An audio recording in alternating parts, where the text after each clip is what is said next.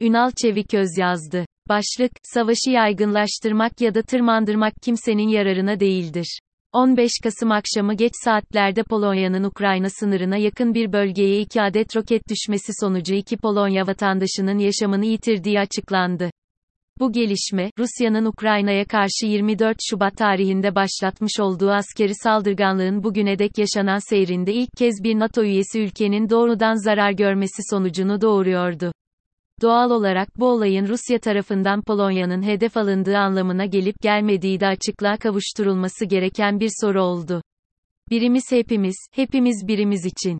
Polonya'nın NATO üyesi olması, şayet Polonya topraklarına Rusya tarafından bir saldırı düzenlenirse, NATO'nun Washington Anlaşması'nın 5. maddesini işletmesini gerekli kılar. Malum, 5. madde, bir NATO üyesine gerçekleştirilen saldırının tüm NATO üyelerine karşı gerçekleştirilmiş olduğu anlamına geliyor ve mukabeleyi ya da o NATO ülkesinin tüm diğer üyeler tarafından korunmasını gerektiriyor. Rusya, haberlerin savaşın tırmandırılmasını amaçlayan çevreler tarafından ileri sürülen bir provokasyon olduğu görüşünü dile getirdi.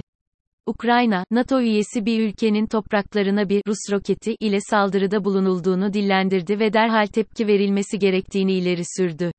Latvia, Litvanya, Estonya gibi NATO üyesi ve Polonya'nın komşuları olan Baltık ülkeleri derhal Polonya'ya destek açıklamalarında bulundular. ABD tarafında da Pentagon yetkilileri durumdan haberdar olduklarını ve incelemenin sürdüğünü belirttiler. Polonya hükümeti acil olarak toplandı. Ukrayna derhal kendilerinin de katılacakları bir NATO zirvesi düzenlenmesi talebinde bulundu. Aslında ne oldu? NATO tarihinde 5. madde sadece bir kez kullanıldı. O da 2001 yılında New York'ta Dünya Ticaret Merkezi'nin ikiz kulelerine yapılan terör saldırısı sonucu gerçekleşti. 5. maddenin devreye sokulması ani ve hızla karar verilebilecek bir durum değil. Rusya böyle bir saldırıda bulunmadığını ve Polonya'ya Rusya tarafından roket atılmadığını, kaldı ki, son günlerde Ukrayna'ya başlatılan yoğun roket saldırısının Polonya-Ukrayna sınırına yakın bölgeleri de hedeflemediğini açıkladı.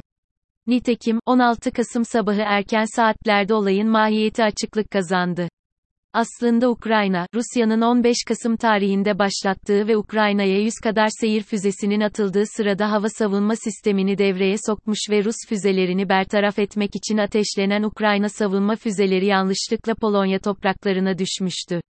Yangına körükle gitmek yerine yangını söndürmek gerek. 24 Şubat tarihinden itibaren Rusya'nın Ukrayna'ya karşı başlattığı askeri saldırganlık olanca hızıyla devam ediyor.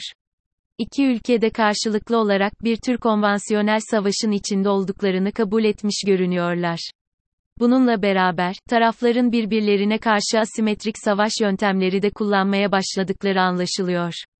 Örneğin, Rusya topraklarında gerçekleşen bazı patlamaların Ukrayna'nın işgal altındaki topraklarını Rusya'dan kurtarmaya yönelik bir savunma operasyonunun ötesine geçtiği söylenebilir.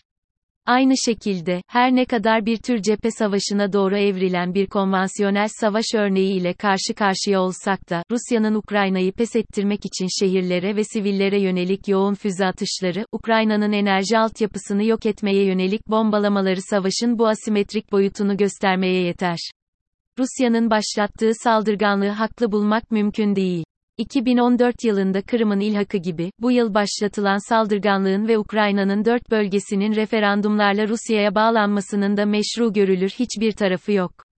Öte yandan, Ukrayna'nın da topraklarını savunmak, vatandaşlarının maruz bırakıldığı askeri saldırganlığı püskürtmek, toprak bütünlüğünü ve egemenliğini korumak için girdiği mücadeleyi de haksız bulmak mümkün değil.